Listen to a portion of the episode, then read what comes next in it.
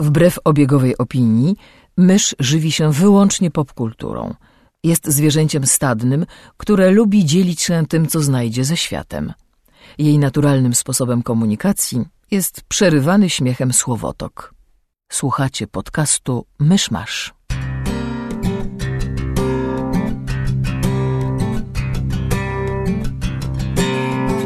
Gospodarzami podcastu Myszmasz są Krzysiek Ceran, redaktor portalu Avalon. Kamil Borek ze studia Kobart. i Mysz, autorka bloga Mysza Mówi. Drodzy słuchacze, jest poniedziałek, 18 sierpnia 2014 roku, urodziny Virginie Der i Romana Polańskiego. Zapraszam do 70 odcinka podcastu Myszmasz. Kto? Virginia? Virginia Der, pierwsze angielskie dziecko urodzone na kontynencie amerykańskim.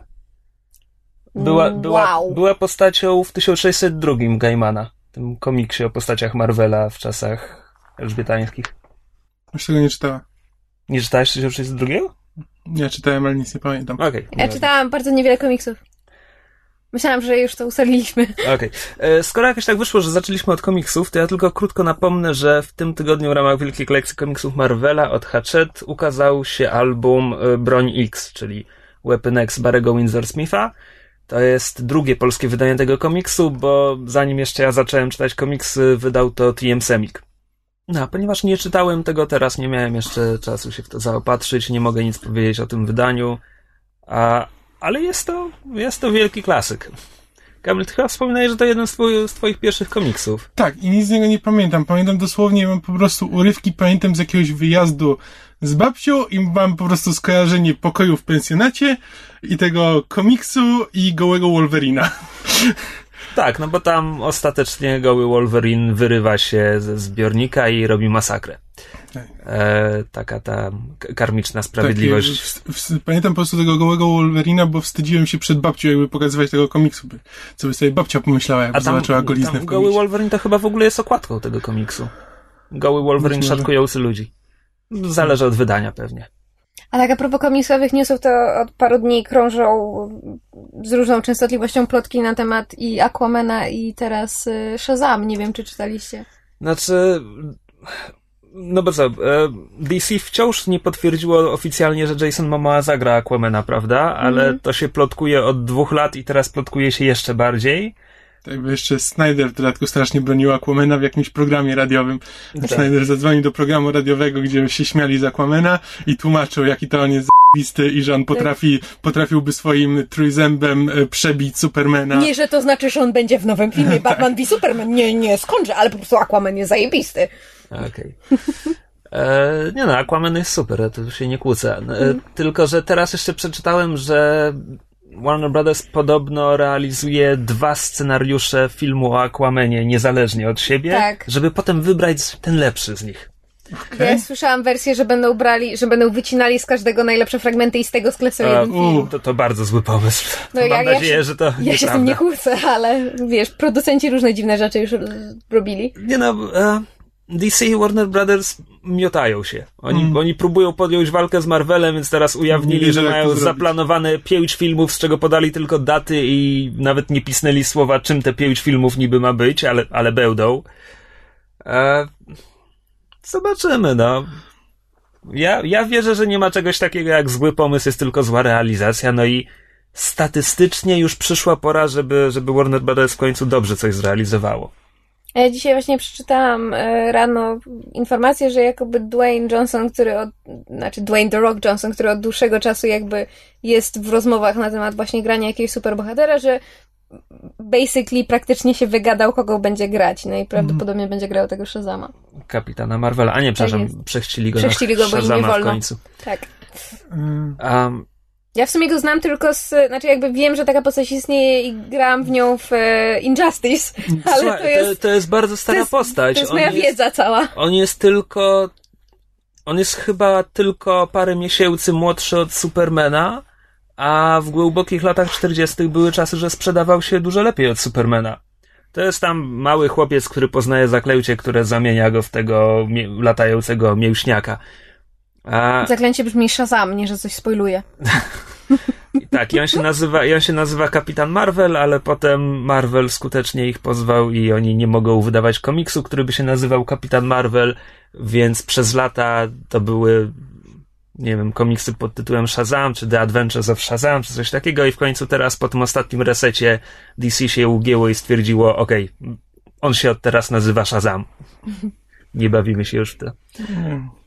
Największy problem z Warnerem i DC to już nawet nie jest to, wiem, że się wyzłośliwiałem, że to wszystko jest takie, musi być cmentne i tak dalej, no ale okej, okay, jeśli mają taki pomysł, to w porządku, tylko, że oni po prostu brną, cały czas tych samych ludzi biorą i próbują robić to samo i za każdym razem nie do końca wychodzi. To jest, to definicja szaleństwa, że po prostu robienie tej samej rzeczy i oczekiwanie innych wyników.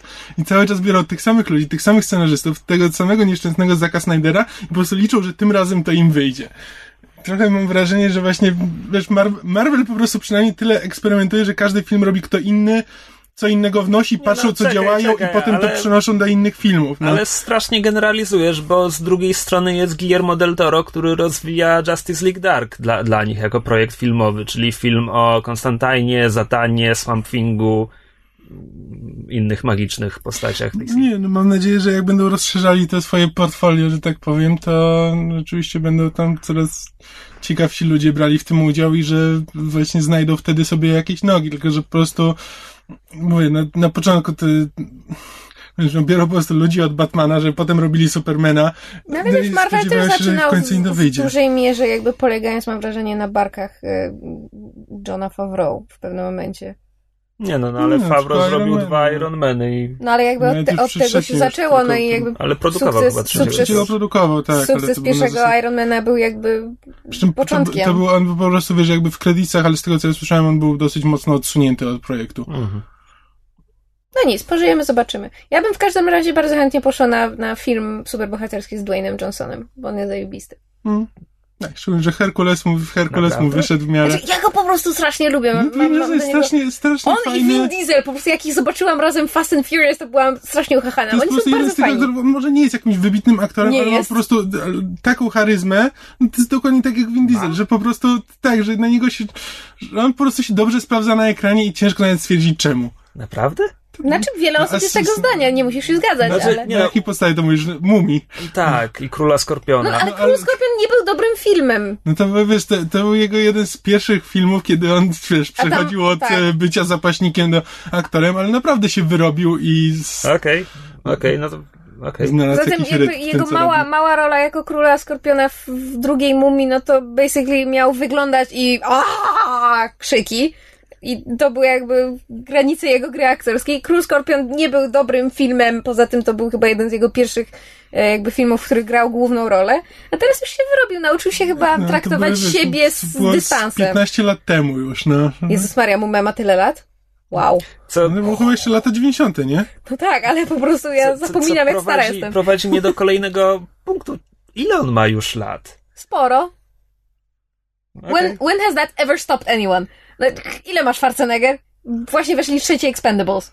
Swoją drogą. Tak, tak ale. Poszłabym na ten dużo film. starszy od Wina Diesla, no. Poszłabym na ten film tylko, żeby zobaczyć, jak Antoni, malutki Antonio Banderas wypada w porównaniu z całą resztą tej ekipy. On po prostu tak malutko, wygląda tak, tak, tak niziutko na tych wszystkich plakatach. A było śmiesznie, ja próbowałam tych pierwszych Expendables obejrzeć i nie dałam rady, mimo że jakby ja nie mam nic przeciwko temu kinu i nawet w pewnym momencie, znaczy, pod pewnymi względami z, jestem się w stanie przy nim dobrze bawić. Tak pierwszy Expendables włączyłam w połowie, stwierdziłam nope. Ale podobno dopiero od dwójki daje radę, no ale... Nie, mam zamiar powtórzyć dwójkę i jednak wybrać się na trójkę. No, to chyba beze mnie, opowiesz mi jak było. Zobaczymy. Trzymając się jeszcze przez moment zapowiedzi innych takich, to teraz trwa Gamescom, czyli impreza poświęcona grom komputerowym, głównie, głównie na PC, jeśli dobrze rozumiem. E, na której ogłoszono, że w przyszłym roku będzie premiera siódmej części cyklu Heroes of Might and Magic. Uh. Przechrzczonej teraz na Might and Magic Heroes. Oj. No już od szóstki. No. Tak, już, już poprzednia gra tak się nazywała, bo oni w końcu stwierdzili, że, że marką jest Might and Magic, więc muszą to w końcu wyeksponować. Ja mam pytanie, bo ja nie grałam w szóstkę, grałam w piątkę. Czy szóstka od piątki się czymś znacznym różni? Tak, to znaczy przede... Znaczy, e, ja sobie teraz nawet kupiłem szóstkę, bo była jakaś promocja na, bodajże na cdp.pl, E, I mam zamiar sobie spróbować. Przy czym tam pograłem chwilę tam tuż po premierze. Ja też pograłem chwilę po premierze i ona mi się szyb, bardzo szybko mi się przejadła. E... Znaczy, przede wszystkim największy problem jest taki, że tam jest, e, tam był duży, e, duży nacisk położony na to, że musisz być połączony z internetem, żeby tak. w pełni wykorzystać. To bez no, sensu. Tak, że tam są jakieś dodatkowe rzeczy, które można dostać, jak się jest połączonym z internetem. Nie pamiętam już dokładnie, jak to działało, ale były takie elementy. Tak, ja teraz sobie poczytałem, że oni nigdy nie spaczowali do końca tej gry. To znaczy, że to połączenie z, z Uplayem zdarzało się, że po prostu nie dało się grać, że w grze wciąż jest bug polegający na tym, że y, zżera, zżera pamięć. Y, RAM po prostu nie kasuje danych z RAMu, w związku z czym po 10 minutach zaczyna się wieszać, a po pół godzinie wywalać do Windowsów. I że tego nigdy nie naprawili. E, a ich sama gra była jakaś taka. Coś w niej nie działało, coś w niej nie klikało. Tak jak. Tak, niby podobne do piątki, która była podobna do trójki. No właśnie, bo Więc, ja e, jakby, ja się zatrzymałam na trójce, trójka jest moja ukochana, kolega mi kiedyś pożyczył czwórkę na zasadzie, zobacz jakie to jest beznadziejne. To jest innego, I tak. stwierdziłam, czemu zepsuliście coś, co było dobre, a potem przyszła piątka, która właśnie jakby o niej wiedziałam to, że wzięła najlepsze rzeczy z trójki i to, co względnie działało z czwórki, plus jakby um, chcę powiedzieć wizualizację, w sensie wygląd z czwórki, taki bardziej już trochę nie no, po, poza tym, że piątka też była 3D, to ona wizualnie raczej właśnie do trójki nawiązywała. Znaczy, mówię, ja w piątkę pograłam, nie, nie wiem, czy ja pograłam po w wiesz, godzinę. Wszystkie, wszystkie potwory były właśnie stylizowane na te potwory, które były właśnie w, w trzeciej części. I w piątce doszły wróżki, nie? To był ten dodatkowy zamek, który doszedł. Nie, myśl, myślisz o trójce w, w, dalszym ciągu. Nie, w trójce nie było wróżek. Były wróżki. No, By, były, nie w oryginale. Były, były w dodatku do trójki. A, no widzisz. Ale potem doszły w piątce. Znaczy, tak, już piące, stałym, piące było dużo rzeczy, składzie. które były właśnie w dodatkach później w, w Armagedonie. Mówisz, mówisz, mówisz, mówisz o wróżkach jako jednostce? Nie, był do, w pewnym momencie mam wrażenie, że w piące to było tak, że były wszystkie te zamki, które były w trójce, nie. plus cały jeden dodatkowy. Czy to była czwórka? Oj. Nie dojdziemy do porozumienia. Nie, bo zmieniali te zamki. To, to nie było tak, że w piące były te same zamki, co w trójce. Aha. Bo, bo w trójce było więcej. W podstawowej trójce było chyba 8 zamków, a w piątce było tylko 6. No tak, tam część, część trochę połączyli, tam Stronghold z e, Warlockiem, coś takiego. Tam Wniosek były... z tego taki, że muszę pograć w Heroesów. No, w razie... potem, potem, łącznie z dodatkami ostatecznie było 8. No tak, tak. W każdym razie ja się dowiedziałem o tych siódmych Heroesach i moja pierwsza myśl była, o fajnie, nowi Heroesi. No bo... Bo Heroesi. Bo w, w podstawówce spełdziłem całe dnie przy trójce mm. i nawet przy czwórce. Ja w czwórkę trochę grałem, ona mi się podobała. Ja wcale, wcale nie mam aż takich... E, wcale nie jestem aż taki ciełty na czwórkę. Tam były rzeczy, które nie działały, ale były rzeczy, które mi się bardzo podobały. E, plus twój bohater mógł jeździć na zebrze. Może to w czwórce były te wróżki, co mnie tak w***ały. To pamiętam zebrę. Były, były wróżki jako jednostka do walki Właśnie. w czwórce. To mogłam, mogłam w czwórce rzut na, na pole walki był taki izometryczny, trochę z góry. Mhm. I twoja armia była na dole ekranu. Tak. Bo we wszystkich Tak, i to było denerwujące, to jest, to jest lewo-prawo. Tak, bo we wszystkich innych Heroesach to było lewo-prawo. Tak, to ja mogłam grać w czwórkę, to w takim razie w piątkę nie grałam. No i w, i w piątkę też grałem dużo, bo była fajna i miała fajny polski dubbing i Bogosława Lindę, który był super, chociaż kompletnie się nie starał i właśnie dlatego był super. E, no a potem była ta szóstka, która kompletnie spłynęła po mnie jak woda po kaczce, ale z drugiej strony siódemkę robi zupełnie inne studio niż, niż robiło szóstkę. Teraz sobie nie przypomnę, które, ale inne. A wiemy, Też rosyjskie? Już... Wiemy coś już no, o tej chyba nie. Zarówno piątkę, jak i szóstkę robiły, z, o ile się nie mylę, rosyjskie studia. Znaczy piątkę na pewno, bo to Nival, czy Nival, nie wiem jak to się, jak oni chcą, żeby ich wymawiać, a szóstkę, szóstkę jakieś tam inne, ale innego. też rosyjskie. Albo przynajmniej Europa Wschodnie. Jesteś stuprocentowo pewien? Bo ja oglądałem e, filmy wiesz, przed premierą szóstki, które prezentowały tam kolejne frakcje i tak dalej, i tam był facet z bardzo ciężkim francuskim akcentem. No, no, ale bo to Ubisoft, może on był A, tylko może. ten. On mógł być tam jakimś producentem czy nadzorcą. A wiemy coś już o tej siódemce? Wiemy chociaż, którą część będzie przy, przypominała albo co tam będzie? Biorą wszystko, co najlepsze z poprzednich sześciu. Oj. Jak, jak przy każdej części. Tak, tak. Oni, oni zawsze to mówią. E, to znaczy, wizualnie i w ogóle to, to jest kontynuacja piątki i szóstki. I, i myśl towarzysząca projektowaniu zamków wydaje się, że też jest z piątki i szóstki. Na razie ujawniono cztery, cztery strony konfliktu i to będzie zamek, czyli rycerze, prawdopodobnie aniołowie. Teraz dla odmiany dodali im jeszcze trochę gry o tron, bo jedną z podstawowych jednostek będą wilkory, e, czyli Direwolfy. Będzie nekropolia oczywiście, będzie akademia, czyli magowie z dżinami, chochlikami i tytanami, czyli dokładnie prawie dokładnie taka, jaka od trójki A, ta będą- frakcja tak wygląda. A będą elfy drzewce Moment, moment. I O. czwarta frakcja, która już jest w grze, to jest e, twierdza czy coś takiego, czyli orkowie. No. Czyli tak jak orków dodano do piątki, to mniej więcej tak to będzie wyglądać. I dwie jeszcze będą w podstawce, tylko że teraz można głosować na stronie gry, i... A, e, żeby wybrać co będzie. I w tym momencie jest e, głosowanie między elfami i krasnoludami. Kiedy ja oddałem głos, to elfy wygrywały nad krasnoludami 2 do 1. E, I potem będzie jeszcze jedna frakcja i jeszcze nie wiadomo, jakie to będzie głosowanie. A to, co odpadnie w głosowaniach, zakładam na 90%, że Dodatek. dojdzie potem w dodatkach. mhm. Studio, które robiło szóstkę, nazywa się Black Hole Entertainment i jest z Budapesztu. Wszyscy się mylili. No, byłem w miarę blisko, mówię, że tam Europa Wschodnia jakiś. Kurczę, bo jak zapowiedzieli tę szóstkę, Strona ja oglądałem, oglądałem filmiki z gry i w ogóle i tam był zamek stylizowany trochę na azjatyckie mity i tam podstawowymi jednostkami byli naga i to mi się strasznie podobało, bo ja z jakiegoś powodu lubię naga. A potem gra wyszła i mówię, spędziłem przy niej parę wieczorów i zapomniałem na wieki wieków. To może tak, skoro jesteśmy w temacie gier, to powiemy dwa słowa o grze planszowej, czego jeszcze chyba nigdy w podcaście nie było. Przynajmniej nie na nie Większą jakoś bardzo skalę. szczegółowo właśnie. Tak. Rozegraliśmy wczoraj partię w grę planszową Spartacus. Nie pamiętam podtytułu Krew i zdrada bodajże. Blood and Treachery to chyba tak się nazywa. Coś koło tego. Jest to e, gra bazująca na serialu. Spartacus, stacji Stars, o którym Co? wspominaliśmy. Spartacus Blood and Sand dla, dla odmiany. Tak. E, co oznacza, że no, wykorzystuje grafiki z serialu, jakieś tam odniesienia są zawarte na kartach. E, I dotyczy e, walk gladiatorskich. Głównie, ale nie I tylko. Intryg w tych. Tak, gracze wcielają się we właścicieli szkół gladiatorskich i dążą do tego, żeby zostać najsłynniejszą taką szkołą, najbardziej wpływową. I w tym celu muszą kupować gladiatorów, wyposażać ich w sprzęt, zapewniać im niewolników, żeby dobrze wypadli na arenie i ten, wbijać noże w plecy pozostałym graczom.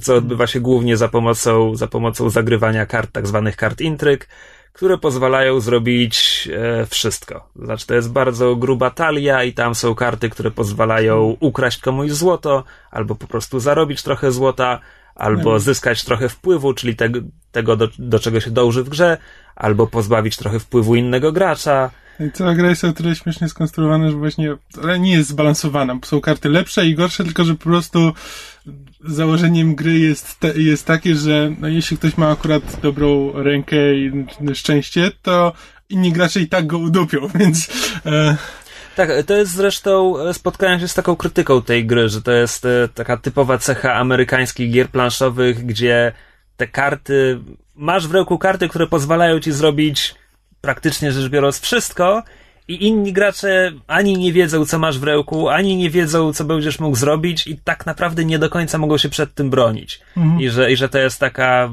że to jest za bardzo losowe.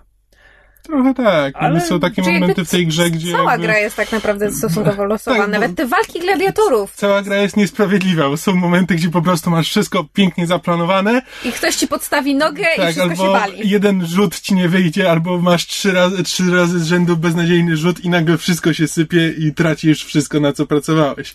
Ale właśnie dlatego ta gra jest dla mnie fajna, bo z jednej strony, gdyby to była gra pod tytułem wygrywa zawsze ten, który najlepiej sobie wszystko rozplanuje, albo jest najinteligentniejszy, albo e, jest listy właśnie we wbijanie noża w plecy, to ja mam wrażenie, że ta gra nie byłaby taka fajna, bo osoby, które są po prostu w tę grę gorsze, zawsze by przegrywały, co to jest za fan. A w momencie, kiedy jest element losowy, to jednak zawsze jest jakaś szansa, że ci się poszczęści i że wygrasz. A mówimy o wbijaniu noża w plecy, ponieważ te karty intryg, e, żeby je zagrać, trzeba mieć odpowiednio wiele wpływu. Tylko, że wiele z tych kart ma bardzo wysoki koszt, czy wymóg co do tego, ile musisz mieć wpływu, ale można dogadywać się z innymi graczami, żeby oni udzielili ci swojego wpływu i wtedy liczy się suma twojego wpływu i innego gracza i możesz zagrać kartę. Więc żeby dogadać się z innymi graczami, no to albo musisz go przekonać, że macie wspólnego wroga, albo trzeba go przekupić, zaoferować trochę złota, albo złożyć jakąś inną obietnicę, a potem zagrywasz kartę i tylko od ciebie zależy, czy, czy dotrzymasz tej obietnicy, Tak, czy zapłacisz mu złota, cię tylko twoje słowo, nie, nie żadne zasady. czy, czy karta, którą powiedziałeś, że zagrasz, czy to naprawdę jest ta karta, czy ona robi to, co mu powiedziałeś, że robi? Ewentualnie obiecałeś, że nie zrobisz mu wokół pióra, a potem dokładnie to robisz, no. Zresztą w tej grze mieliśmy taką sytuację, gdzie ponieważ e, mi akurat dobrze szło, więc wszyscy, wszyscy mnie atakowali i jedna e, z koleżanka zapytała, czy Krzyśka, czy jest w stanie jej udzielić wsparcia, e, żeby mnie zaatakować. Czy coś takiego, nie jestem pewien, czy dokładnie sytuację pamiętam, a więc Krzyk powiedział jak najbardziej i w tym momencie dostał w dupę, bo ta karta celowała w niego. Zdarza się. Tak, tego typu sytuacje są e, na porządku dziennym. Tak, i e, w wersji podstawowej jest to gra maksymalnie na cztery osoby, minimalnie na trzy. Nie da się w to grać na dwie, ale ukazał się już dodatek, który pozwala rozszerzyć to do sześciu graczy. I to właściwie wszystko, co robi dodatek, bo tak naprawdę wprowadza tam i dwie dodatkowe zasady, nic, nic nadzwyczajnego, plus dodaje nowe karty, karty. gladiatorów, niewolników i, i intryg. Intrygę. Tak, ale prawdę mówiąc, wolałem tę grę na 3-4 osoby, znaczy na 4 osoby przede wszystkim. Jakoś już przy sześciu, tak jak graliśmy ostatnio, robi się trochę trochę się za dłuży, dużo. tak. Tak. dłuży się, za długo są momenty, kiedy no czekasz na swoją kolejkę i nie bardzo możesz y, nic zrobić. Poza tym no masz do wyboru sześciu różnych graczy, żeby wzięli udział w walkach na arenie, więc y, też się zdarzają sytuacje, gdzie ktoś bardzo długo nie jest w stanie się dopchać do tej areny i w ogóle zawalczyć. Tak, więc ona faktycznie najlepsza jest na, na cztery osoby. Nie graliśmy chyba nigdy w piątkę. Mo, może na pięć osób jeszcze by się trzymała. Może by trzymała tempo. Dla mnie w sumie jednym z najciekawszych aspektów gry jest to, że ona ma parę, jakby każda runda ma parę tur, parę takich oddzielnych etapów, e, które kolejno się rozgrywa. To jest w sumie, znaczy, ja nie gram w tak dużo planszówek, jak na przykład wy gracie, ale to jest bardzo fajne, bo mam wrażenie, że każdy znajdzie coś, co go interesuje. Są na przykład gracze, dla których ta tak zwana faza intrygi, czyli kiedy się właśnie rozgrywa te karty i próbuje wbić sobie noże w plecy albo zyskać jak najwięcej złota czy jakiegoś wpływu to są ludzie, dla których ta faza będzie najciekawsza. Potem jest faza e, tak zwanego mm, marketu, czyli jakby licytowania i kupowania i wymieniania się i próbowania przekonać kogoś, że a może mi sprzedasz to, ja ci wtedy sprzedam to. To, to, to też może być dla niektórych osób ciekawe, a potem są z kolei te walki gladiatorów, gdzie, prawda, wchodzi w, w grę taktyka i mam wrażenie, ten największy, największy element losowy, bo wszystko polega na, na rzutach kością i na tym, jak ktoś ma zręczny nadgarstek, tak, powiedzmy. bo tak naprawdę w walkach gladiatorów decyzje takie istotne, które możesz podjąć, to jest w którym momencie skorzystać z karty ekwipunku. Jeśli, jeśli masz kartę ekwipunku, które można wykorzystać tylko raz na walkę, to to jest najważniejsza decyzja, którą, którą podejmiesz. To znaczy jeszcze, dla mnie przynajmniej zawsze najtrudniejszą decyzją jest z tą, którą mam największe problemy, to jest, które się kości odrzuca. Ponieważ ma się pulę kości, Tak, bo każdy gladiator ma trzy cechy i każdej cesze są przypisane kości, które jednocześnie są punktami życia. Czyli kiedy gladiator otrzymuje ranę, to musimy odrzucić tyle kości, ile dostał ran, jednocześnie zmniejszając jego statystyki. tak, i tam jest oczywiście siła, znaczy jakby atak, obrona i prędkość, więc, y, znaczy, która liczy się też jako inicjatywa, czyli kto pierwszy w danej turze walki rozpocznie y, rozgrywkę. I dla mnie to jest zawsze najtrudniejsza decyzja, żeby zdecydować, czy na przykład w tym momencie walki bardziej mi się opłaca być wolniejszą, ale mieć więcej w obronie i ataku, czy mniej obrony, żeby jednak szybciej się poruszać. To jest zawsze strasznie, strasznie skomplikowane, ale to jest, to jest frajda, to jest jednak ten taki mm, wysiłek, w to trzeba włożyć jakiś umysłowy. Jest to naprawdę interesująca gra, właśnie tak żyje własnym życiem, że to jest właśnie gra, która jakby nie ma, nie ma jakiegoś scenariusza, tylko za każdym razem te, s- te intrygi jakoś przebiegają innymi torami. To znaczy, i ma pewien scenariusz, podobnie jak planszowa gra o tron, gdzie e, jest przepychanie się przez pierwsze, powiedzmy, pół gry, po czym ktoś wychodzi na czoło. Mhm. I wtedy jest jednak, że wszyscy inni się jednoczą, żeby, żeby go hajda- ściągnąć. Hajda na jednego. Tak, więc to jest jednak schemat, który zawsze jest w tej grze. Nie jest, nie jest, nie jest tak, że każda partia wygląda zupełnie inaczej. Nie, ale czasami tam zdarza się, że na przykład z dwóch graczy idzie łeb w łeb i trzeba zdecydować, któremu przeszkadzać, a wtedy ten drugi wykorzystuje zazwyczaj sytuację. Niekoniecznie musi tak wyglądać. No w każdym razie polecamy. Jest bardzo przyjemna. Ten, Potrafi być emocjonująca. Przepraszam. Tak, tak. Niszczy, Tak. niszczy przyjaźnie i związki, jak każda dobra gra planszowa. Tak, dopóki, dopóki, się, dopóki się gra właśnie, na, bo to była głów- główna zaleta Spartakusa, właśnie dopóki graliśmy w niego na cztery osoby, że e, tam się przy tej grze nigdy nie nudziłem. Zawsze było coś, e, coś do zrobienia, nawet jeśli nie jest twoja tura. E, co trochę właśnie się zatraca przy grze na sześć osób. Ale tak, ale jeśli się gra na cztery, to to jest bardzo duża zaleta. No, więc jeżeli ktoś e, lubi ciekawe gry planszowe albo lubi serial Spartacus i chciałby się wciągnąć w gry planszowe, myślę, że to jest fajny, fajny początek. To znaczy, dla mnie, jako dla fanki serialu, dla osoby, która nie miała dużej, dużego doświadczenia z planszówkami, aspekt serialowy tej gry planszowej jakby był dodatkową zachętą do, do wkręcenia się w planszówki. Mam wrażenie, że granie w Spartakusa jakby em, rozpaliło we mnie w jakimś sensie sympatię do planszówek. No. A w Firefly'a nie chcesz zagrać? Nie! Ja autentycznie nie wiem dlaczego, ale nie! Nie znasz się. Tak. To może pozostając w temacie gier, ale bardziej komputerowych.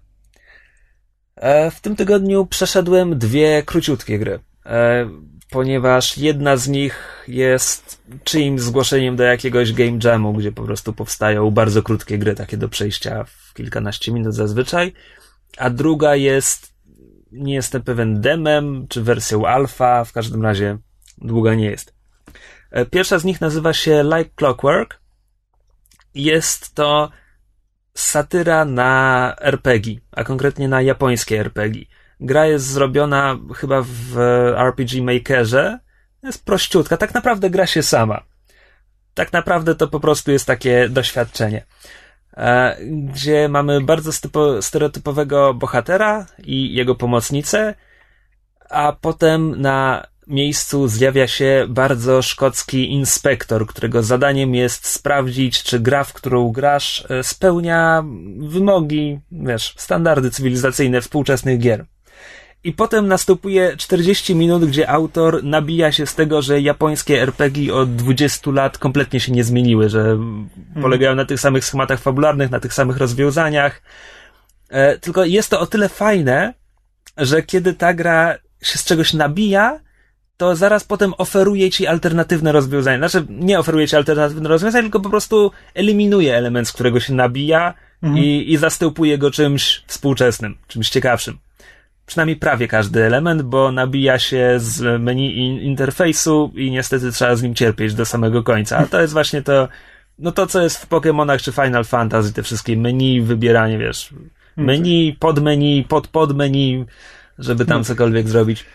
Ale gra, gra naprawdę gra się sama, bo tam, tam nie ma żadnego wyzwania, po prostu, po prostu idziesz i, i robisz, co ci gra mówi. E, jest autentycznie zabawna, e, ma bardzo, bardzo absurdalną puentę e, i polecam. Postaramy się zamieścić jakąś linkę, czy to na fanpage'u, czy może nawet pod opisem odcinka, ale może wystarczy wygooglać. Nazywa się Like Clockwork. A druga nazywa się Ronin, robi ją jakiś Polak, którego nazwiska nie pamiętam.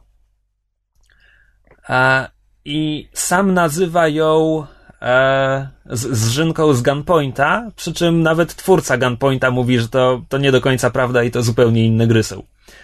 E, w Roninie wcielamy się w zabójcę ninja, który po bardzo współczesnym świecie się przekrada, żeby wyeliminować jakiś cel. Na każdym poziomie ma jeden cel demo, czy obecna wersja gry składa się z trzech poziomów. Do tego ten dostaje punkty za atakowanie z ukrycia, tak zwane stealth kille. e, i może jeszcze hakować jakieś terminale, żeby dostać dodatkowe punkty. Przy czym gra ci nawet chyba nie sumuje tych punktów na koniec, a w każdym razie nie mówi ci, czy ci dobrze poszło, czy nie. To jest, to jest wczesna okay. wersja, tak? E, I jak porusza się nasz ninja? Nasz ninja e, może po prostu chodzić, może się wspinać po każdej powierzchni, czy to, czy to pionowej, czy, czy poziomej, w sensie pod sufitem może sobie chodzić bez problemu. Do tego może skakać, do czego zaraz wrócę, oraz posługiwać się liną, to znaczy wystrzeliwuje linę, na której może się ściągnąć albo bujnąć. Ale kiedy zaczyna skakać, oraz kiedy zaczyna walkę, ponieważ skakanie jest podstawowym manewrem w walce, e, gra zamienia się w grę turową. To znaczy, przytrzymujesz przycisk myszki i czas się zatrzymuje, i ty wybierasz teraz parabolę, po której skoczysz. Hmm. I tak jest zawsze. I tak samo jak, jak strzelasz liną. Natomiast kiedy trafisz na przeciwnika, e, to jest walka turowa. To znaczy, ty sobie wybierasz albo, żeby skoczyć, właśnie tej parabole skoku, albo żeby wystrzelić linę, albo jeśli jesteś blisko przeciwnika, możesz go ciąć mieczem, e, ewentualnie możesz rzucić mieczem w bardziej oddalonego przeciwnika, ale jeśli rzucisz mieczem, to nie będziesz potem mógł e, mieczem, w sensie nie będziesz mógł eliminować przeciwników. Jeszcze możesz e, wskoczyć w przeciwnika, żeby powalić go na ziemię i on się będzie zbierał, zbierał z ziemi parę tur. I jak już wybierzesz swoją akcję, no to ją wykonujesz, a potem przeciwnicy wykonują swój ruch. Więc przeciwnicy są na tyle mili, że wszyscy mają e, pistolety z laserowym celownikiem, więc ty widzisz, e, w jakiej linii będą strzelać. No hmm. i musisz tak to robić, żeby wiesz. Jak widzisz, że akurat masz na sobie celownik, no to nie możesz teraz chcieć mieczem, nie możesz rzucać mieczem, bo to są wszystko akcje zajmujące turę. Musisz uskoczyć. Hmm. I to jest no to jest gra w uskakiwanie przed kulami i tak naprawdę daje fajniejsze wrażenie niż, niż większość gier, które miały bullet time. Hmm. Bo to zawsze był prostacki bullet time, a tutaj możesz sobie wszystko, wiesz, obliczyć, wyliczyć. Jest wszystko bardzo fajne. E, I jak się przyłożysz, to wychodzą ci bardzo fajne akcje. To znaczy, zeskakujesz z dachu, e, zatrzymujesz czas, żeby, żeby wystrzelić linę, żeby zahaczyć o próg, z którego właśnie wyskoczyłeś, huśtasz się liną, wpadasz, rozbijasz okno, zatrzymujesz czas, rzucasz mieczem w przeciwnika, który właśnie tam stoi. Tego typu akcje. Możesz się poczuć jak ninja zabójca. Jest to bardzo przyjemne. E, tylko tego interfejsu trzeba się nauczyć. To jest już druga wersja Ronina, w którą gram i pamiętam, że pie w pierwszą mi się bardzo ciężko grało. Do tego stopnia, że za pierwszym razem, a próbowałem ze dwa miesiące temu, kiedy po raz pierwszy na to trafiłem, e, nie byłem w stanie przejść tego dema. Teraz jest to poprawione, są dodane nowe animacje, nowe możliwości. Jestem prawie pewien, że nie można było rzucać mieczem w poprzedniej wersji. E, I to jest, to jest już grywalne. To jest już grywalne i przyjemne. Także bardzo polecam. Nazywa się to Ronin i znowu postaramy się rzucić linką, żeby łatwiej było znaleźć. I przejście tego zajmuje 15 do 20 minut, jak już wiesz, co robisz. My z Myszą w tym tygodniu byliśmy na filmie Lucy. Zresztą jest poważną wadą naszego, na, naszego harmonogramu podcastu, bo na Lucy byliśmy przedpremierowo, ale kiedy będziemy o tym mówić w podcaście już będzie, już każdy, kto chciał obejrzeć ten film, już go pewnie obejrzy. Ale tak, wybraliśmy się na Lucy, Luca Bessona ze Scarlett Johansson który jest filmem technicznie rzecz biorąc superbohaterskim. To jest taki bardzo metaforyczno-metafizyczny film superbohaterski. Ale polega to na w którym nie ma akcji. Tak. Polega to na tym, że Scarlett Johansson jest, zostaje wrobiona w przemyt jakiegoś nowego narkotyku, który, jak to głosi, głoszą wszystkie plakaty na mieście i tak dalej, pozwala odblokować więcej niż 10% możliwości mózgu co jest jakby głównym elementem kompletnego, nawet nie jest science fiction, to jest po prostu science kłamstwo. Znaczy, znaczy to jest e... fantazja naukowa, to nie jest tak, nawet, to tam nie ma... E... Znaczy opierające się na bzdurze, bo to jest bzdura, tak. że wykorzystuje tak, tylko 10% tylko, żeby naszego mózgu. Wszyscy się tak strasznie uczepili tych 10%, mam wrażenie, że przez to znaczy inaczej, uczepili się 10% zakładając, że film próbuje być w jakimś stopniu zgodny z nauką i, i pokazać naukę, a tak naprawdę te 10%, jak Kamil gdzieś słusznie w internecie zauważył, to równie dobrze mógł być gen X albo cokolwiek innego, mogło być 20-50%, nieważne, to jest tylko wytrych, Czekaj, ale... żeby opowiedzieć jakąś tam fabułę. No tak, tak, tak. Pseudonaukową. Nikt, nikt się nie doszukuje nauki w bombie gamma czy tym no, radioaktywnym tak, pająku. Znaczy, dla mnie szukanie logiki jakiejś w filmach filmach Luca Bessona absolutnie mija się z celem, bo to jest, to jest po prostu oglądanie jego filmów powinno być Ale fajne. to brzmi trochę tak, jakby Scarlett Johansson szmuglowała te pastylki z tego filmu z Bradleyem Cooperem. Tak. Tak, porównania do Limitless, do Matrixa, do Akiry, do Tak, tylko, Odysei Kosmicznej, do O ile- Limitless po O prostu ile w. Limitless to jakbyś... Akiry i Odysei Kosmicznej? Tak, oddly enough, znaczy w filmie jest bardzo dużo nawiązań i ukłonów i aluzji do zaskakująco wielu pozycji z nie tylko jakby współczesnego kina science fiction. Mam wrażenie, Ale że Luke Besson po prostu się bawił. A, No właśnie, no pytam, czy te nawiązania coś przekazują, czy po prostu tam są? Nie, nie dawajmy temu filmu więcej przesłania Filmu? niż filmowi, przepraszam. Oczko mu się odlepiło temu filmu. temu filmu, tak. E, Nie, nie, nie oszukujmy się, film e, nie ma jakiejś wielkiej metafizycznej czy metaforycznej warstwy. Próbuje ją mieć, ale tak naprawdę to jest, to jest e, kiczowate i klisza na kliszy i to tak naprawdę, znaczy należy olać to przesłanie, które Luke Besson próbuje nam z całej siły wepchnąć do karda, a cieszyć się ładnymi widoczkami.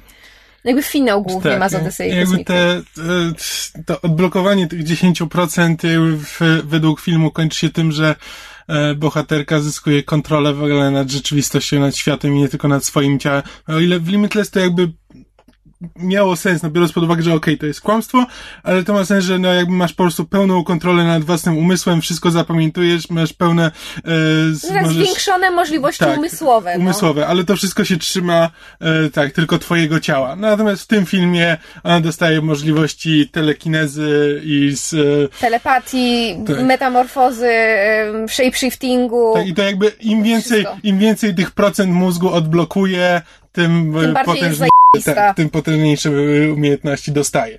Aha. Przy czym to jest najfajniejszy jakby motyw tego filmu to jest to, że e, Lucy w momencie, kiedy właśnie już przekracza tam pe- pewien próg tych procentów, e, to staje się bohaterem na miarę doktora Manhattana, gdzie ona już po prostu jest na tyle jednością ze światem, że traci, że zatraca Człowieczeństwo. e, człowieczeństwo. Tak, i przestaje, e, przestaje się jakby interesować moralnością i e, etyką, a staje się właśnie takim bytem, który jest zainteresowany, ma jakieś, ma jakieś swoje własne cele, ale one są absolutnie e, niezwiązane z jakimkolwiek człowieczeństwem. A, bo pomyślałem, że zaczyna chodzić ze swoim sprzętem na wierzchu.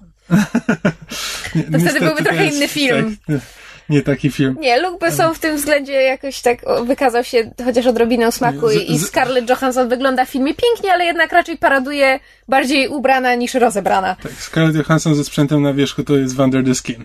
Tak. Żeby było śmieszniej, do tego filmu też były, e, znaczy ten recenzenci porównują właśnie Lucy, bo to przez przypadek Scarlett Johansson w krótkim odstępie czasu zagrała w dwóch filmach, w filmach, które są tak właśnie- niby o kosmitach czy tam istotach Takich, z których też właśnie gra istotę, która nie do końca rozumie istotę człowieczeństwa.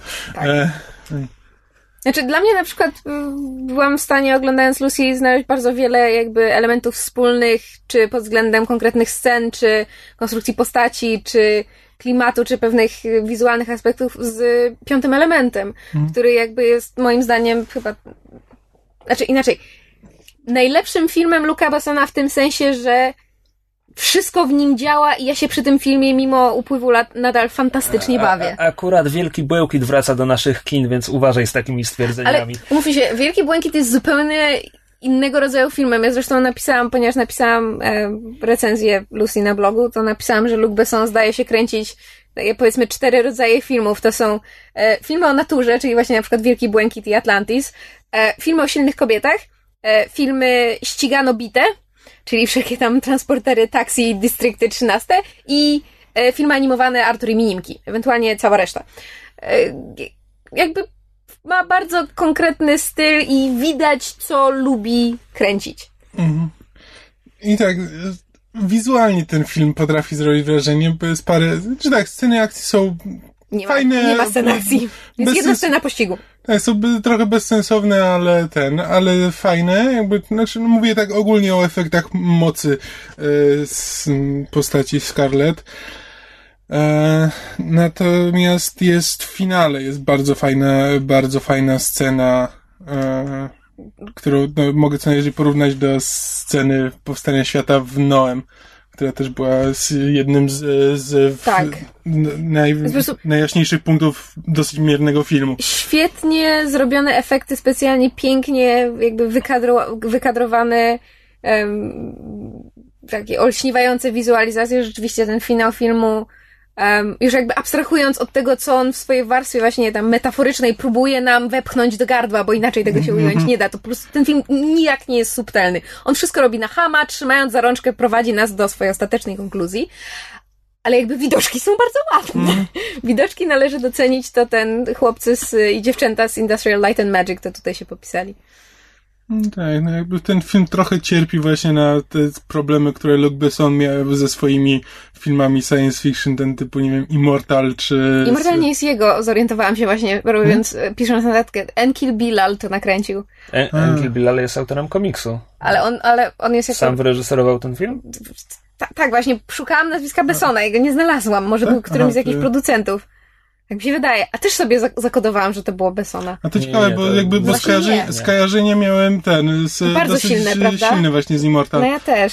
E, no ale właśnie, to, to, to nawet jeśli to nie jest jego film, to właśnie to jest mniej więcej ten, ten poziom, gdzie ktoś jakby chce coś powiedzieć więcej, ale nie bardzo wie, jak to ma zrobić. I robi to E. łopatologicznie, czym robi filmowi dużą krzywdę. No. Tak, e, ale, mm, ale właśnie tak, ale ta strona wizualna robi wrażenie, dlatego warto, warto pójść do kina. I tak poza tym po prostu nie należy za dużo myśleć o tym filmie, bo, bo, bo to może zepsuć seans rzeczywiście. Jak ktoś się uczepi tego, że to jest na przykład te 10% to jest kompletna bzdura, Albo że to jest film tego, akcji, bo tak trailery przedstawiały ten tak, film, bo no szczególnie, to... że właśnie słuchając rozmów ludzi wychodząc z kina, właśnie dużo osób mówią, że o, to jest takie kłamstwo z tym 10%, czemu ten film musi powtarzać to, co ten y, Żeby i było tak dalej. śmieszniej- Więc to y, autentycznie to ci zepsuje seans, jeśli tak do tego podejdziesz. Żeby było śmieszniej, ja się obśmiałam, dlatego że wychodząc z seansu, ci ludzie, których rozmowę podsłuchiwaliśmy a propos tego, o, te 10% kłamstwo, kłamstwo, co to za durny film, to byli ludzie, którzy na awangardzie prowadzili konkurs multimedialny filmowy, których dzień czy dwa wcześniej widzieliśmy na awangardzie, więc patrzcie, jaki ten świat jest mały. E, tak, e, znaczy tak, e, nie należy o filmie za dużo e, myśleć. E, chociaż myśmy z Kamilem po wyjściu z kina myśleli o nim stanowczo za długo, do tego stopnia, że żeśmy wymyślili zakończenie, ale to jeżeli ktoś chce sobie zespoilować albo widział film i chce poczytać, co żeśmy z Kamilem wymyślili, to w, PS-ie na, w notce na blogu e, mamy swoją teorię, jak ten film powinien się był zakończyć, żeby, żeby był chociaż trochę mniej um, łopatologiczny i taki trochę subtelniejszy, mam wrażenie. No, Więc podsumowując, fajne widoczki i dosyć ciekawa, jakby niesztampowa postać bohaterki. Tak, i niezła gra aktorska. No, no. W pierwszej połowie filmu. Ale można. Nie trzeba, ale można. O. Okej. E, Trzymając się filmów, DC wypuściło kolejną pełnometrażową animację. Peł- Pełny metraż w tym razie to jest 75 minut. E, Pod tytułem Batman Assault on Arkham. I ta animacja teoretycznie rozgrywa się w tym samym świecie, w którym rozgrywają się gry komputerowe o Batmanie. E, Arkham Asylum, Arkham City i Arkham Origins żeby bardziej to podkreślić, film powinien był się nazywać Batman Arkham Assault, ale coś przegapili. E, Tyle tylko, że tak naprawdę ja nie do końca to widzę. To znaczy, część bohaterów pojawia się właśnie w tej stylizacji z gier, czyli mamy Mamy pingwina dubbingowanego przez Nolana Norfa, tak jak w grze i tak jak w grze ma Denko od butelki wciśnięte w oko zamiast monokla. E, I parę innych postaci też się pojawia właśnie w tych swoich kostiumach z gier. Ale wydarzenia z gier nie są film się nie odnosi do wydarzeń z gier i też nie do końca widzę, jak ma pasować, bo chyba akcja toczy się między Origins a, a Arkham Asylum. No, nieważne. Można, można założyć, że jest w tym świecie, a ani to, ani to niczego filmowi nie dodaje, ani, ani nie odbiera. I wbrew tytułowi nie jest to film o Batmanie. To jest film o Suicide Squad, czyli grupce złoczyńców, których rząd amerykański wykorzystuje na boku, po cichu i nieoficjalnie do wykonywania zadań niemożliwych. Oficjalnie nazywają się Task Force X e, i mówiłem o nich już wielokrotnie, bo bardzo lubię tę grupę. Pojawili się w drugim sezonie serialu Arrow, e, pojawili się w jednym z najlepszych odcinków animowanej e, Justice League. A i fabuła zaczyna się tak, że Amanda Waller, czyli kobieta z żołdu amerykańskiego, która stoi za Suicide Squadem, próbuje złapać Riddlera, bo Riddler coś wie, ma jakieś informacje, na których jej zależy. E, ale Batman przerywa jej akcję i, i Batman zgarnia Riddlera i pakuje go do Arkham. No a Waller nadal zależy na Riddlerze, w związku z czym zbiera kolejną inkarnację Suicide Squad. E, w tym momencie do zespołu należy parę osób, które już było w ten sposób porywanych na misję i, wie jak to działa i, parę nowych. No i ich zadaniem jest włamać się do Arkham, złapać Riddlera i, i wyjść. A przy okazji Waller mówi, że mają się nie przejmować ba Batmanem, bo Batman akurat biega za brudną bombą, którą Joker gdzieś schował w mieście. E, tak? A kto jest w tym Suicide Squad grze? Dobra. Jest Deadshot, który jest praktycznie głównym bohaterem filmu. Jest e, Harley Quinn. Jest e, King Shark. Jest... Co to jest King Shark? King Shark to jest wielki mięśniak z metalową szczęką. Aha. E, i szczerze mówiąc, nie kojarzę go z komiksów. Kojarzę Tiger Sharka, ale nie wiem, czy to jest ta sama postać. Jest e, Black Spider, jest e, Kapitan Boomerang i kto jeszcze? Jest KG Beast. Czyli Captain Boomerang? Kapitan Boomerang to jest jeden z przeciwników Flasha, Australijczyk, który rzuca boomerangami. Aha, okej, okay, dobrze. Powinienem był się domyśleć. E, I to chyba wszyscy, chyba jest Czekaj, ich sześcioro. KG Beast. Właśnie. Wow. KG Beast, e, radziecki agent. Ja o nim naprawdę nic A, nie wiem. Okej, okay. dobra, zrozumiałem. Tak, to jest K KG Beast. Dobrze. E, to jest radziecki agent, który kiedyś był przeciwnikiem Batmana i ja naprawdę nic o nim nie wiem, ale e, ten Rosjanin, który jest w drugim sezonie Arrow w retrospekcjach z wyspy, to jest on. Aha. Anatolii jakiś tam. Okej. Okay.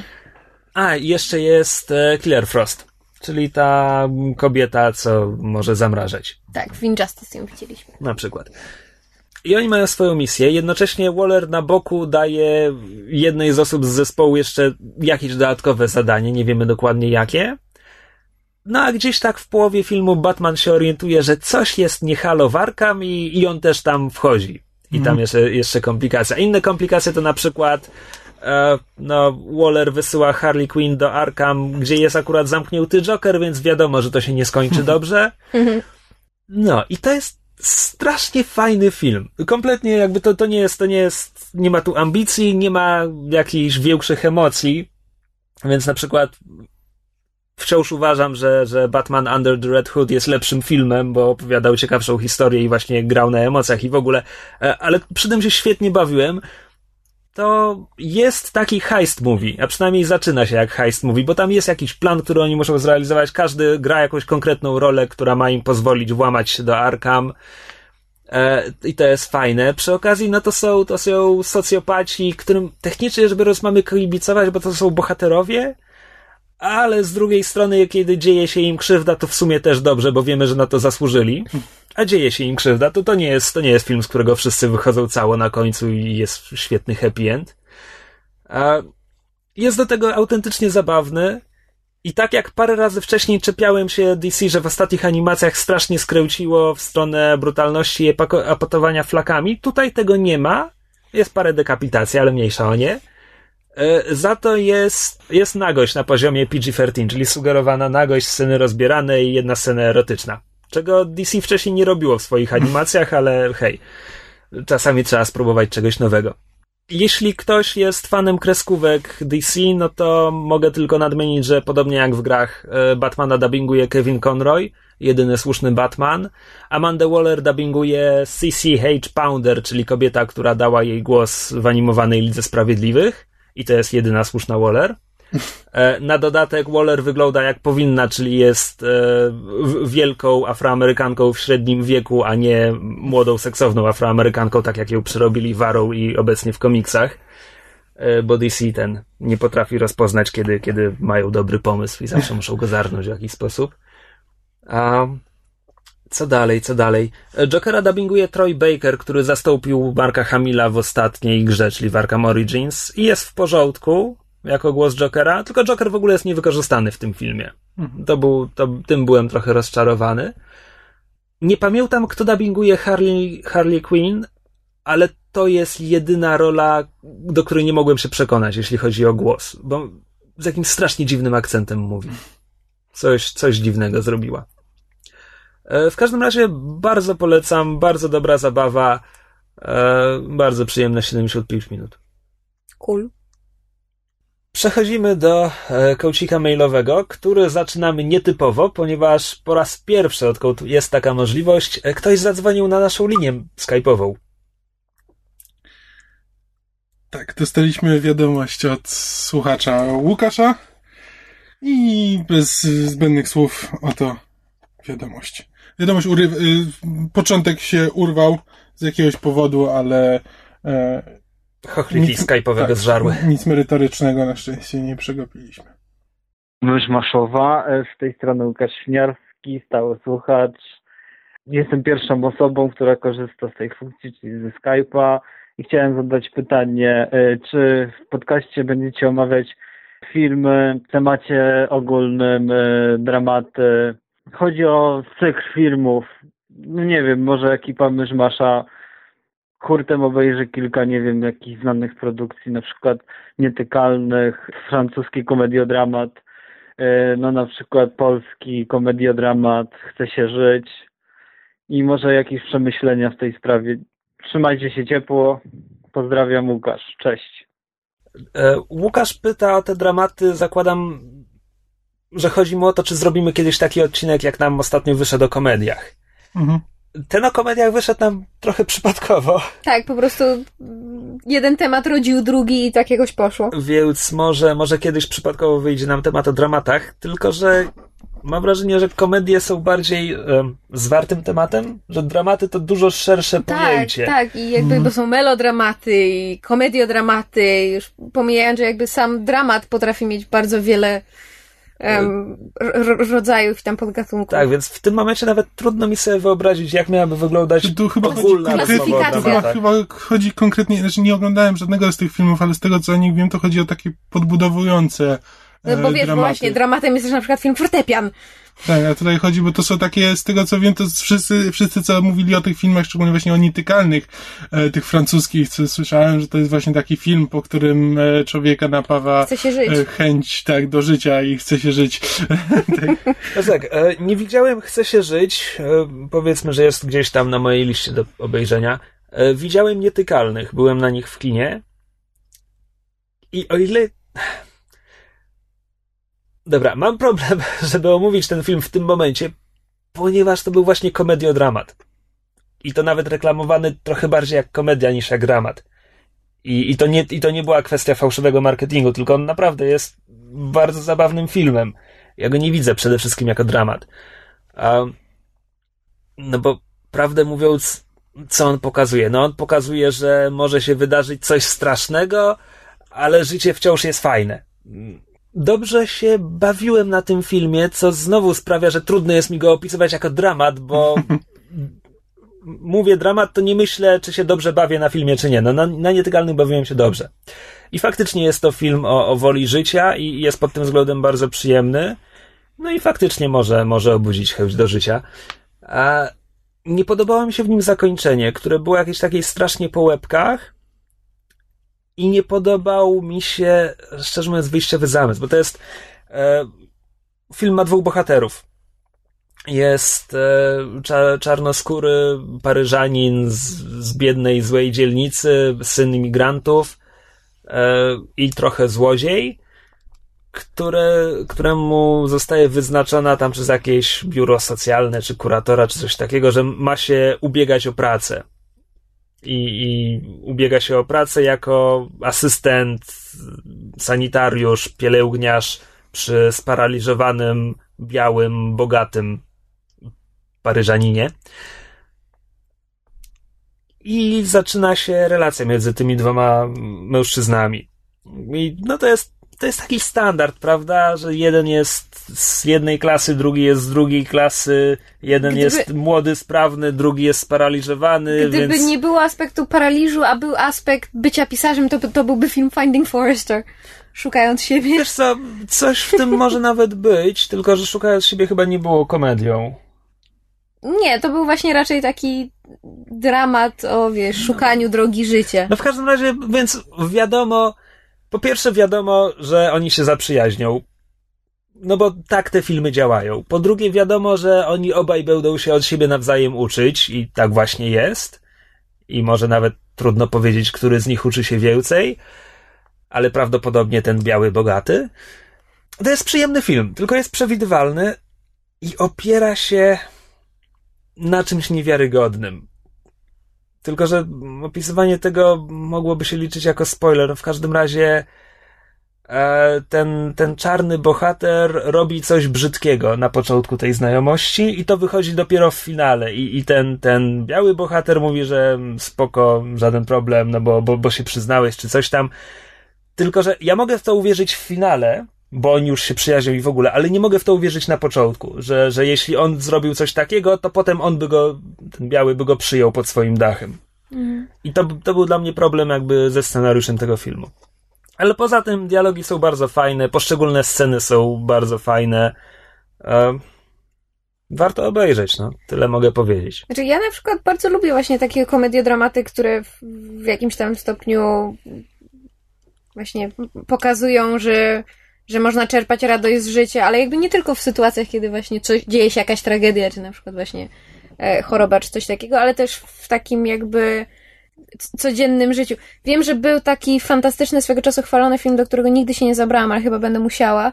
Właśnie z takich, em, to już chyba bardziej stricte komedii. Happy Go Lucky. O kobiecie, która chyba odkrywa, że, że jest chora na raka, ale postanawia cieszyć się każdym dniem. I to też jest właśnie Tam taki... Sally Floyd grała? Chyba tak. To jest taki em, szalenie podbudowujący, prawda, na duchu film, e, bez takich silnych e, elementów dramatycznych. Ale na przykład dla mnie o wiele, na mnie o wiele większe wrażenie wywołują filmy, które są stricte dramatami, a które mimo to w jakiś sposób, może nie tyle po- podbudowują na duchu, ale pokazują, że, że można przezwyciężyć przeciwności losu. Bo jakby mam wrażenie, że ujęcie tematu choroby, czy jakiejś niepełnosprawności, czy jakiejś przeciwności losu w, tem, w tematyce komediowej i, i po prostu dodanie jakiegoś poczucia humoru do tego filmu, to jest bardzo prosty sposób, żeby, a no tak, wydarzyła się tragedia, ale wszyscy jesteśmy szczęśliwi, jest zajebiście. Dla mnie to jest trochę za proste. Dla mnie, em, pamiętam na przykład, jakie ogromne wrażenie na mnie zrobił film, który obejrzałam w stosunkowo młodym wieku, ale po prostu rodzice mnie posadzili i stwierdzili, musisz to obejrzeć, za co jestem bardzo wdzięczna. To był film Moja lewa stopa e, z Danielem Dayem Lewisem. Da, Danielem Day-Lewisem. Nie wiem, czy to odmienić. Daniel Dayem Lewis. E, tak, w każdym razie z, z, tym, z tymże fantastycznym aktorem. I to był film, to jest, to jest stricte dramat, który pokazuje rzeczywiście e, straszną tragedię, jakby zmagania z tą tragedią, ale na koniec mam wrażenie, że każdy widz, który ten film obejrzy, jest w stanie z niego wyciągnąć właśnie to, że nieważne co się wydarzy, jeżeli, jeżeli będzie się walczyć w swoich przekonaniach i przy swoich pasjach, to, to, to, to da radę. I to nie jest tak łopatologiczne i takie proste na zasadzie, aha, ha, wszyscy się śmiejemy, jest zajebiście, tylko to są wnioski, które jakby każdy musi sam na własną rękę wyciągnąć. I na przykład, jeżeli e, nasz słuchacz Łukasz e, interesuje się właśnie tego typu filmami, które podbudowują na duchu, a niekoniecznie są komediodramatami, to bardzo pole, polecam Moja lewa stopa. Myślę, że warto. To jest nie dość, że klasyka kina, to jeszcze jedna z najlepszych e, ról tego aktora. E, no to trzymając się wątku Łukasza, e, Łukasz wysłał nam również maila, który przeleżał pewnie z miesiąc w naszej Oj, skrzynce. chyba dłużej. Ale wreszcie nadeszła jego pora. Wyciągniemy go na światło dzienne i zaprezentujemy światu. Mail dotyczy tematów, tematu, który jest jakby ciągle u nas aktualny i o który zawsze też pytamy wszystkich gości, czyli geekowskich korzeni. Przypominamy, że jeżeli ktoś z naszych e, słuchaczy jeszcze nie wysyła nam swoich gigowskich korzeni, a chciałby, to oczywiście z otwartymi ramionami przyjmiemy kolejne maila w tym temacie. Statystycznie rzecz biorąc, to chyba przytłaczająca większość nam ich nie wysłała. Naprawdę musisz patrzeć na wszystko z tej ciemnej strony, co? Pesymista. Łukasz pisze dwa miesiące temu. Mówiłam? Mhm. Witam. Cieszę się, że temat o geekowskich korzeniach wciąż jest aktualny. Postanowiłem podzielić się moją komiksową historią. Bycie geekiem w naszym kraju to nie jest łatwy kawałek chleba. Tym bardziej dla kogoś, kto mieszka w małej miejscowości, tak jak ja. Od zawsze od biegania za piłką z kolegami wolałem czytać książki i komiksy, oglądać telewizję, zwłaszcza kreskówki. Ponad dwie dekady temu były tylko trzy albo cztery kanały w polskiej telewizji. Należę do pokolenia TM Semik, więc łatwo można policzyć, że mam więcej lat niż prowadzący Myszmasza. Wychowałem się na tych komiksach, choć nigdy nie miałem możliwości kupowania poszczególnych serii regularnie. Moim pierwszym przeczytanym komiksem był The Amazing Spider-Man numer 8 z 92, w której Spider-Man walczy z Pumą. E, znakomicie ukazana kreską Sala Buscemy. E, Puma to jeden z jego przeciwników, taki facet. Kolega z klasy sprezentował mi go na jednej z przerw. Pierwszym komiksem, który sam kupiłem, był The Amazing Spider-Man numer 11, w którym Pająk walczył z Elektro i Hobgoblinem. Chyba jeden z pierwszych komiksów o Spider-Manie właśnie też z TM Semiku, jaki czytałem, to było z kolei z Carnage'em. I do dzisiaj mam bardzo duży sentyment do tej postaci. Jako miłośnik kreskówek i komiksów byłem wyśmiewany przez innych, przez kolegów, którzy nie rozumieli mojej pasji. Pierwszym porządnym serialem o tematyce komiksowej był kultowy Batman, animowany Batman. W Polsce emitowany na mm, drugim kanale telewizji polskiej od 95 w piątki o 15. Kilka lat później, we wrześniu 97, ten sam kanał zaczął emitować animowane przygody Spidermana. Emisja w poniedziałki o 15.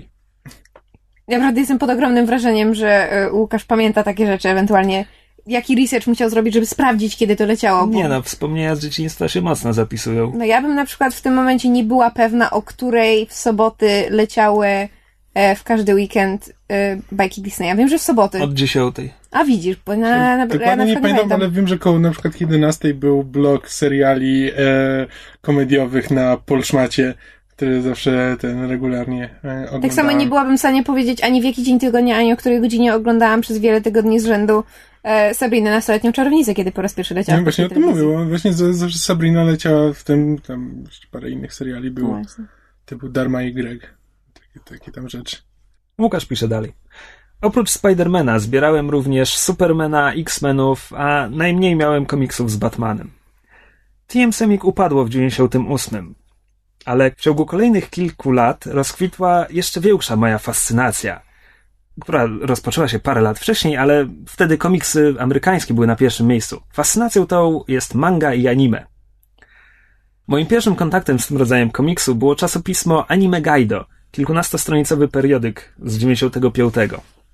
Kilka lat później w moje ręce trafił któryś z kolejny... Mhm. Fuck. Kawaii.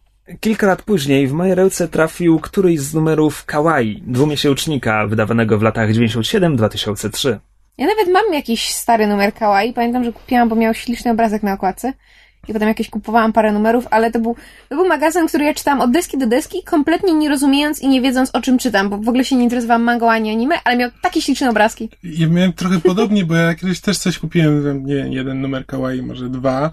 Nie dlatego, że po pierwsze były związane z CD Action, jakby stamtąd się dowiedziałem i był taki moment, gdzie mi się zdawało, że jestem zainteresowany mangą i anime, ale mi przeszło.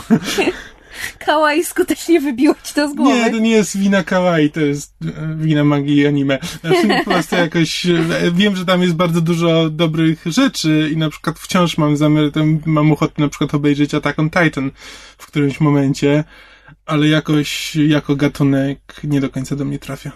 Znaczy, to nie Znaczy, no, nie gatunek, no ale pewne mm, Konwencja. z- konwencja, tak, stylistyka i tak dalej. Łukasz pisze dalej. Przez następne parę lat e, w miarę regularnie kupowałem kawaii, a do tego kilka różnych serii, serii mang, takich jak Lok Super Człowiek, Tu, Dekte- tu Detektyw Jesz, Cześć Michael, e, wydawanych przez Łaneko oraz pojedynczych zeszytów Neon Genesis Evangelion, wydawanych przez Japonika Polonika śmieszne? Pierwszy raz słyszę tę nazwę. J- JPF? Oni chyba A, tak to JPF, wydają. JPF, dobra. oni wydają mnóstwo Ja rzeczy. nie, nie, zna, nie znałem rozwinięcia tego Żeby skrótu. śmieszniej, jak, Ewentualnie Japonica Polonica Fantastica. Jeszcze lepiej. jak po czesku. E, I, I południca. Żeby było śmieszniej, koleżanka mi kiedyś próbowała e, właśnie jakby sprzedać, że tak powiem, Neon Genesis Evangelion, ale serial. E, I jakby rozumiem, dlaczego ten serial może być uznawany za wybitny i jakby rzeczywiście pod względem tematów, które porusza, i jestem w stanie zaakceptować, że to jest wybitny serial, ale właśnie to był kolejny raz, kiedy przekonałam się, że pomijając jakby Sailor Moon i nie wiem, Rycerze Zodiaku, parę takich wybiórczych e, seriali z, z japońską kreską, to to chyba anime nie jest dla mnie. Jednym z moich problemów właśnie z anime to jest to, że nawet kiedy one poruszają rzeczywiście ważne tematy, interesujące tematy, to zazwyczaj robią to w tak łopatologiczny i tak podniosły sposób, że e, momentami jest ciężko, ciężko mi to oglądać. Jakby to było fajne, kiedy miałem tam 15 lat i jakoś to wtedy do mnie bardziej trafiało, ale jakoś tak im więcej czasu mija, tym, tym mniej do mnie trafiają takie strasznie podniosłe przemowy i mowy i muzyka i nie wiadomo co jeszcze. Ale to możesz, możesz spróbować e, filmów, w sensie pojedynczych filmów pełnometrażowych, animowanych. Mam wrażenie, że tam jest więcej takich bardziej realistycznych, bez, bez takiego patosu. No. Ja sam od, od dawna się przymierzam, żeby obejrzeć wreszcie parę filmów. Jakąś się nazywa Satoshi Kona bodajże. Jest taki animator japoński, który zmarł parę, parę lat temu. Robił filmy, które zżynał e, Nolan, Aronowski. Ojej, to ja mogliście, wiem, wiem mogliście widzieć, tak. bo po premierze Czarnego Łabędzia Tak. były zestawienia całych scen, Tak. które on, on brał Czytałam z o filmów tym Kona. ostatnio. Tak, rzeczywiście jest coś takiego. E, dobra, Łukasz pisze dalej. E, przez cały ten czas kupowałem również polskie komiksy na czele z Torgalem Grzegorza Rosińskiego oraz Tytusem Romkiem i Atomkiem. Pamiętam, jak raz od kuzyna z miasta dostałem całe pudło komiksów, w którym znalazło się kilka numerów kultowego relaksu. Tak mijały kolejne lata. Kawaii upadło, fascynacja mangą i anime prawie się wypaliła. Koniec 2005 roku naznaczyło całkiem przypadkowe odkrycie w internecie. Odkryłem, że jest strona dla takich miłośników komiksów jak ja, dla fanów Marvela. Odkryłem Avalon Marvel Comics. Wtedy jeszcze pod adresem xmen.pl. Avalon zaczynał jako strona wyłącznie o X-Menach. Wiem, byłam na niej wtedy. No proszę. Od tamtej pory, przez ponad 9,5 roku, jestem mniej lub bardziej aktywnym stałym forumowiczem. Od 2000 roku kupuję oryginalne wydania amerykańskich komiksów. Zacząłem od jakiegoś pojedynczego zeszytu X-Factor. Tak na dobrą Przepraszam, teraz głupie moje pytanie, bo ja się gubię zawsze w drużynach X-Menów. X-Factor to jest które? A, w pierwszej inkarnacji to byli oryginalni X-Meni, oryginalna piątka, którzy działali pod przykrywką, że niby polują na mutantów, żeby ludzie do nich dzwonili ze zleceniami na mutantów, a tak naprawdę im potem pomagali. A potem to była grupa mutantów pod egidą rządu amerykańskiego. To jest jakby druga inkarnacja. I trzecia to jest agencja detektywistyczna Madroxa, czyli ten mój jeden z ulubionych komiksów, o którym już mówiłem z pięć tak. razy. Okej. Tak na dobrą sprawę, dopiero 6 lat później kupiłem większość zeszytów z Ameryki. Pamiętam to jak dziś. Był maj 2006 roku. W moje ręce trafiło sześć pierwszych numerów New Avengers Briana Bendisa oraz komiks New Avengers Illuminati z rysunkami Alexa Maliwa, które wtedy wydawały mi się dziwne, teraz jestem jego fanem. Od tamtej pory moja kolekcja zeszytów urosła do ponad 1400 sztuk na pięciu półkach. Ponad 30 wydań No zbiorczych, z czego najwięcej to X-Factor Petera Davida. Znakomity wybór. E, Do tego wszystkie serie Avengers wydawane pomiędzy 2004 a 2012 rokiem. The Amazing Spider-Man, zwłaszcza run e, Michaela Straczyńskiego. Secret Warriors Jonathana Hickmana, część jego historii z Fantastycznej Czwórki i dużo więcej innych serii, takich jak Thor Straczyńskiego, później kontynuowany przez Kierona Gillena, e, Young Avengers, tego samego Gillena, czy historię Brubakera z Daredevila.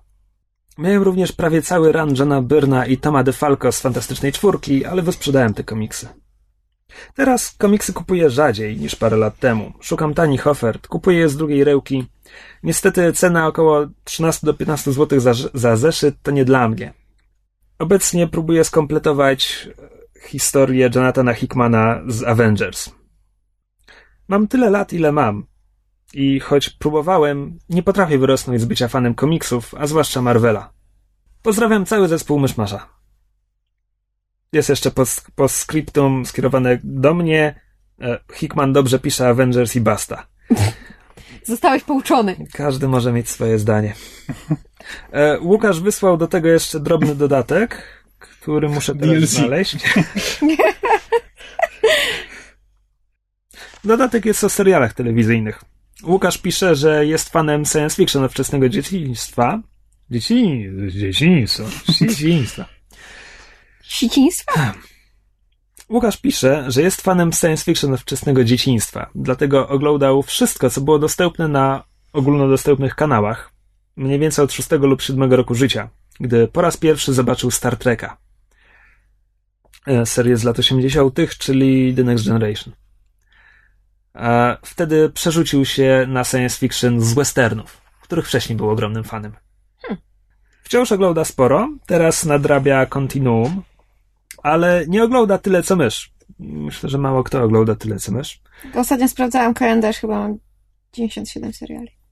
Przepraszam, powtórz głośniej. 97 seriali. Ale oglądasz już wszystkie rzeczywiście? Nie, duża, No duża część z tego to są te nowe seriale, do których pilotów jeszcze nie doszłam, więc bardzo wiele z nich prawdopodobnie odpadnie, bo a część została skasowana, część mi się nie spodoba. Ale e, tak, regularnie. W... Znaczy inaczej, regularnie oglądam na pewno na stałe 60, y, około 63-4 seriali. You've got issues, Quill. Yes. We've established this already. No, Łukasz podsumowuje, że ogląda mniej więcej od 10 do 15 seriali tygodniowo.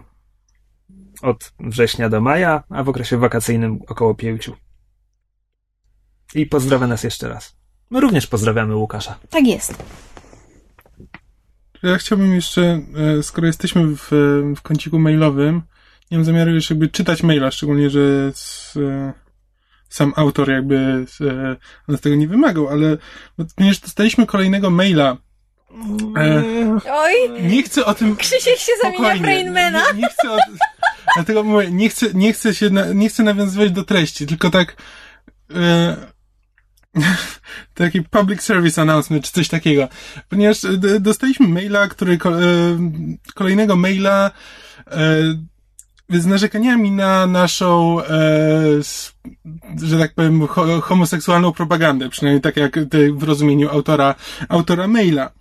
Jakby, tak jak mówię, maila nie mam zamiaru teraz czytać, szczególnie, że jakby sam autor powiedział, że nie chce, żebyśmy poświęcali na to kolejny odcinek. My też nie chcemy na to poświęcać jednego, kolejnego Bo odcinka. uważamy temat za zamknięty, powiedzieliśmy wszystko to, co mieliśmy powiedzieć i Dokładnie. Ja utrzymujemy to. Ja sobie porozmawiałem z Robertem e, przez dłuższy, wymienialiśmy maile e, właśnie w tym, w tym temacie, szczególnie, że jakby poza, poza tym tam były jeszcze sugestie dotyczące samego podcastu, więc też e, o tym rozmawialiśmy na temat dołączenia rozdziałów do podcastu i jak to można technicznie zrobić. I po prostu rozmawialiśmy na ten temat i, i bardzo bym chciał, ponieważ jest w, szczególnie jak czytam komentarze w internecie i dyskusje na ten temat, które strasznie szybko przechodzą w bardzo negatywne tony. Jakby ja też rozmawiając z kimś takim jak Robert, bardzo łatwo by mi było powiedzieć, nie, ty jesteś homofobem, jesteś rasistą i, e, i na tym kończymy. Ja bym odczuł bardzo dużą satysfakcję z tego, że pokazałem, że e, zakończyłem rozmowę. On by się tylko utwierdził w przekonaniu, że ja jestem lewakiem, który nic nie wie. No ale porozmawialiśmy sobie dłuższy czas, skończyliśmy na tym, że i tak nikt nikogo nie przekona, ale było miło, przynajmniej dowiedziałem się mniej więcej, jak działa, y, jak działa proces, proces myślowy osoby, której kompletnie nie rozumiem ideologicznie, ale przynajmniej wiem, z, wiem po tej rozmowie, z czego wynikają jego problemy. No i wiadomo, że się nie przekonamy naz, nawzajem. E, Problemy? Ups. Chciałem powiedzieć poglądy. Przepraszam. Freudowska pomyłka? Tak, e, Szło ci tak dobrze. Dobrze, so close. Nie, dlatego e, to jest taki mój apel, żeby po prostu rozmawiali ze sobą jak z ludźmi. Nawet jeśli, nawet jeśli dla mnie poglądy, które Robert przedstawiał w tej rozmowie są, e, są kompletnie niezrozumiałe i e, i momentami wręcz e, jakby brzydzę się te, takimi poglądami. Ja nie jestem, nie, nie, nie boję się tego powiedzieć, nawet jeśli Robert tego słucha. E, Pozdrawiamy.